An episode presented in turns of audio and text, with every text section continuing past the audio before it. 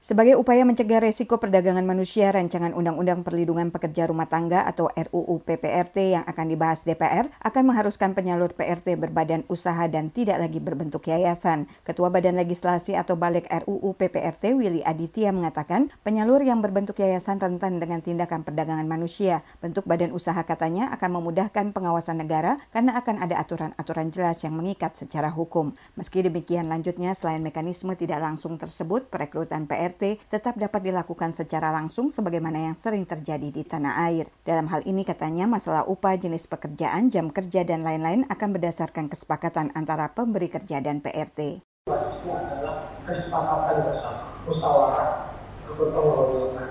Karena ini berbasis kepada kultur yang berkembang bicara upah, bicara jenis kerja, bicara jam kerja itu berdasarkan kesepakatan. Lebih lanjut, politisi Partai Nasional Demokrat tersebut mengatakan RUU PPRT juga akan mengatur soal kepastian terhadap hak dan kewajiban terhadap para PRT dan pemberi kerja. Selain itu, DPR akan memastikan RUU tersebut dapat memberikan pendidikan dan pelatihan bagi calon PRT, termasuk tentang pendidikan terkait norma-norma sosial dan budaya, sehingga hubungan sosial kultural antara pemberi kerja dan PRT dapat terjaga. Sementara itu, Ari Ujianto dari Jala PRT mendesak pemerintah dan DPR untuk segera menuntaskan pembahasan pengesahan RUU RUU PPRT dan kemudian mengundangkannya. Keberadaan undang-undang tersebut dianggap penting guna memberikan jaminan negara terhadap kaum yang sering kali termarginalkan. Selama ini katanya PRT sering kali dianggap sebagai pekerja dan kelompok miskin. Jaminan kesehatan tambahnya dapat diberikan lewat skema pemberian bantuan iuran. Sementara jaminan sosial ketenaga kerjaan ada kontribusi pemberi kerja untuk membayar iuran sebagai peserta. Untuk itu dia mengusulkan hal ini masuk dalam RUU PPPRT.